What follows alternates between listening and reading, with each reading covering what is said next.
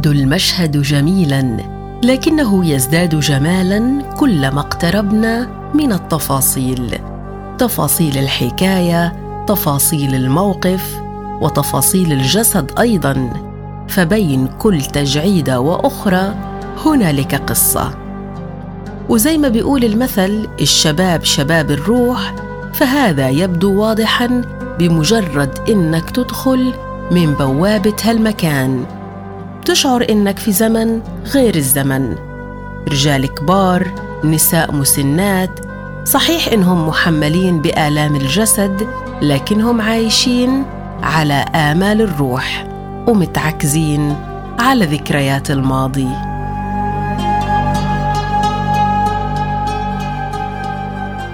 في الاستقبال بجمعية رعاية كبار السن قابلنا العم سعيد النجار. اللي رغم إنه تجاوز سن السبعين إلا إنه كان مصر على تعلم استخدام التكنولوجيا ليساعد في أرشفة بيانات المنتسبين للجمعية اللي على حد وصفه انتشلت من حالة الوحدة والاكتئاب اللي ضل يمر فيها لسنين. أنا كنت يعني الوضع النفسي عندي تعبان منهار جدا. أنا قاعد على كرسي على باب الدار وضيق خدي بستنى اللحظة إنه الله خلص ياخذ الوداعة بتاعته إن أنا انتهيت. فأجا عندي واحد ما بيحكي لي أنا بعرفك مش هيك أنا بعرفك راجل نشيط. يعني في منك وبيجي منك لو أنت تحركت بتقدر تنفع المجتمع. قلت طب إيش أسوي أنا؟ أنا تعبان. فقال لي في حاجة اسمها جمعية رعاية كبار السن. فجيت فشافوا إنه أنا بقدر يعني أقدم للجمعية نشاط. إنه أنا الجمعية تستفيد مني ك كعقل كذاكرة. عندي كم من المعلومات إيه، يعني اللي بيحسدون الناس إن أنا كيف حافظ المعلومات هذه. أنشطة منوعة بتقدمها الجمعية للمسنين بهدف كسر الملل والروتين.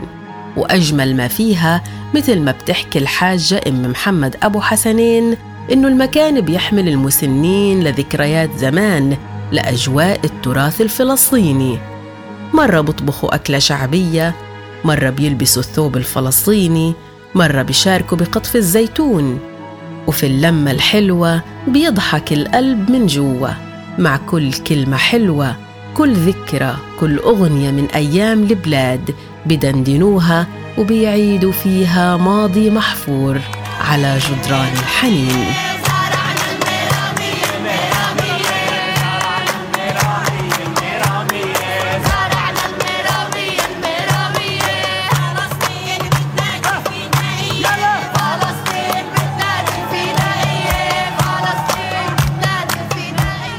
يعني انت عارفة الكبير لما بقعد في الدار وهذا بقعد يحكي وهذا بقعد بمل وبزهق الكبير. لما بروح على الجمعية وبسمع من هذا كلمة ومن هذا نكتة ومن هذا إشي يعني بنبسط بنعنش بفرفع عن روحه شوية. والحمد لله يعني هي يعني كويسة كثير الجمعية لأنها يعني يعني إيش بدي أحكي لك يعني عملت يعني لناس كانوا يعني ما لهمش أي سكة ولا أي طريق صاروا فوق وصاروا يحكوا وصاروا يتكلموا ويروحوا ويجوا. يعني نشاطاتها كانت كتير حلوة. يعني لما كانوا يعملوا الترفيه كان الكل يشترك. النسوان كلها تشترك اللي تزغرت واللي تاه واللي تغني. كانوا يشتركوا يت يعني يتفاعلوا مع اللي جايين. فيعني كانوا منبسطين مبسوطين يعني جدا كتير كتير فيها.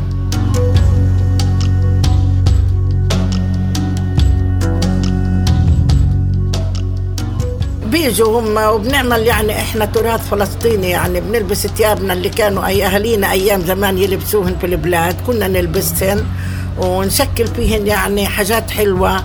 كنا نطبخ طبخات زمان زي البصارة زي المفتول زي الخبيزة. هذه اليوم بيعرفوهاش كتير. بس هذه كنا يعني نفتخر فيها لأنها هذه كانت تراث فلسطيني قديم وكانت طبخات قديمة. فيعني الواحد يعني بحب يظل يجدد تراثه ويجدد ذكرياته مع الماضي لأنه ذكريات الماضي ما بتنتسى ولا تراثنا عمره بنتسى لأنه إحنا يعني معجونين في عجن فكيف بدنا ننساه يعني؟ حتى لو كبرنا. يعني حتى لو الكبار كبروا الصغار بيبقوا متعلمين وفهمانين من الكبار. فبوعوا هذا التراث وبظلهم ماشيين على طريقته.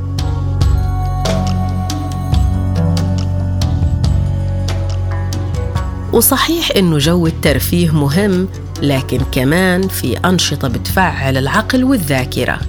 في جو كله ضحك وتشجيع مثل طفل صغير بيتعلم ألف باء لأول مرة. المسنات بكل شغف بيمسكوا ورقة وقلم بيجربوا يكتبوا كلمة أمل. والأمل مش مجرد كلمة ولكن شعور موجود بداخل كل واحدة فيهم. وبتحاول المسنة يسرى مطر تعززه داخل غرفة محو الأمية.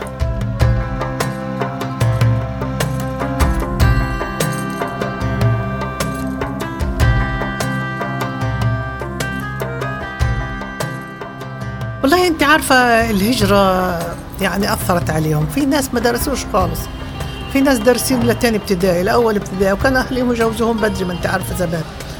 تسربوا من المدارس وطلعوا لقيت حبوا يرجعوا تاني؟ إيه, إيه يعودوا إيه يعرفوا كيف يقرأوا قرآن كيف تكتب اسمها كيف لو كانت ماسكة دفتر ولا ورقة لقيتها تفتحها تعرف إيش فيها. لو راحت على الشارع ولا على صيدلية ولا حاجة تعرف إيش المكان هذا وين السيارة تنزلها. يعني في ناس آه، كان عندهم إقبال كثير يعرفوا كيف يقرأوا. جمعية رعاية كبار السن اللي تأسست في العام 1980 كانت بالأصل مخصصة لإيواء كبار السن. وحسب حديث مدير الجمعية إياد حلس فالجمعية بسبب قلة الدعم اتحولت من مكان معيشة ومبيت إلى نادي نهاري بيضم حوالي 700 مسن ومسنة.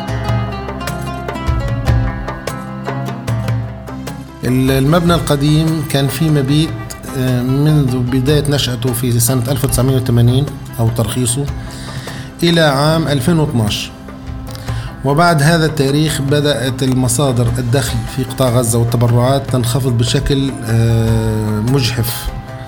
مش ملفت للنظر لا مجحف. فكان آه، احتياجاتنا تتمثل في وجود ثلاث ورديات أو نبطشيات. لأطقم طبية وخدماتية على مدار الساعة للمقيمين وكان الطابق الأول للسيدات للرجال والطابق الثاني للسيدات. فاضطرينا اضطرارا إلى أنه تتحول الجمعية آه، من هذا النشاط اللي فيه المبيت إلى نشاط آه، آه، كنادي نهاري. يقدم خدمات على مدار الأسبوع طوال أيام السنة.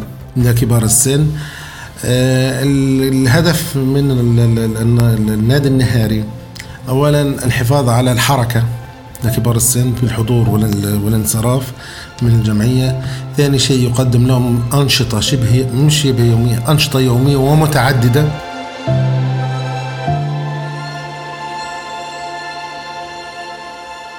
بشكل عام كبار السن اللي تجاوزوا الستين في غزة بيواجهوا مشاكل صحية ونفسية واجتماعية وحتى اقتصادية تدفعهم لمصاف أكثر الفئات هشاشة. وطبعا في أوقات الأزمات والحروب اللي بتمر على غزة هم كمان بيدفعوا ثمن كبير وبيكونوا أحوج ما يكون للدعم النفسي. طبعا بنطلع إحنا من الحرب نفسيتنا تعبانة كتير من خوف ومن كلك ومن آه، طبيعي يعني إشي بخوف الحرب يعني بكون وضعه سيء. فإحنا بنيجي هنا على الجمعية آه، بيجونا وبنعمل بيعملوا لنا تفريغ نفسي بالنسبة لرياضة بننسجم معها اللي بتاعت الرياضة. وصاروا ياخذوا ويعطوا معها كتير يعني ويلعبوا معها رياضة وانبسطوا وكيفوا. بيجي مثلا بيعطونا في الجمعية الكبار بجمعوهم كلهم كبار السن اللي عندنا. بيجوا بيعطوهم إيه، ترفيه ترفيه مثلا إيه، هذه تطبل هذه ترقص هذه تزغرت هذه تاهي. بحاولوا يعني يطلعوهم من الجو اللي هم كانوا فيه. جو هيك الخوف والرعب لجو ترفيهي عظيم.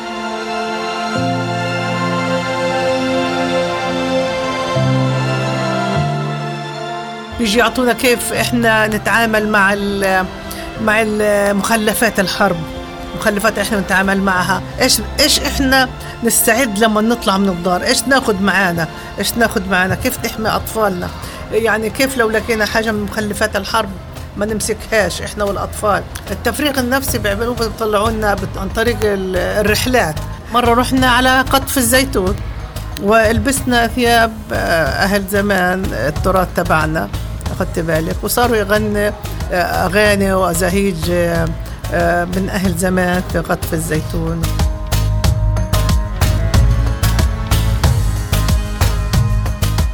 وحسب آخر إحصائية فكبار السن في غزة ممن تجاوزوا الستين عام وصل عددهم لأكثر من مئة ألف وثمانمائة فرد. طبعا بيفتقدوا للأماكن اللي بتحتضنهم. في حين بتقدم لهم الجمعية مبادرات نوعية. واحدة منها تجمع بين الأحفاد والأجداد. وحسب ما بتوصف الداعية الحاج أم عبد الله فهؤلاء الكبار هم مرجع تاريخي ووطني للأجيال الجديدة.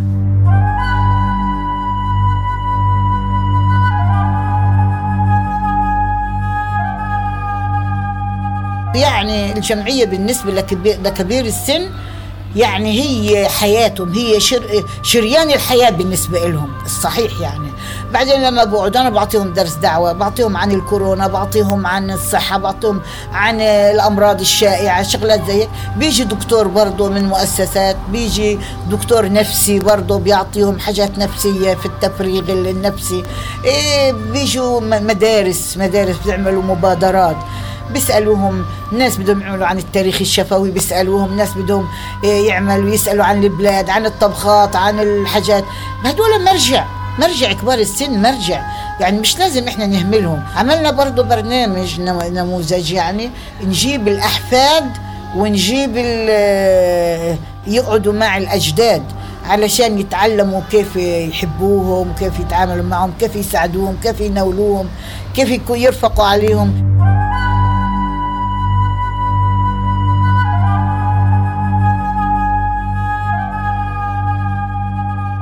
القصة مش قصة تجاعيد وشعر أبيض ولا قصة عمر بيمر لأنها سنة الحياة. لكن القصة وما فيها هي الحاجة للاهتمام والتقدير فرعاية كبار السن ليست رسالة إنسانية فحسب بل هي رسالة وطنية أيضا للحفاظ على كنز وطني ومرجع تاريخي لا يعوض. يا فضة ما فيك زغل. ستي مثلك ما جابوا. يا عطرك ياسمين وفل. يا ستي ويا ست الناس. يا دهب ما فيك نحاس ستي لو حكي وقالوا بتضلك على العين والراس. بودكاست على حافة الحياة. إعداد وتقديم حنان أبو دغيم. إخراج صوتي خالد النيرب. سمن وعسل بالجرة يا ربي أصير كبير. واتعلم كلام الله والله ربي ما قصر وأعطاني شو ما تيسر وأعطاني هالنوارة. ريتا يا ربي تكبر.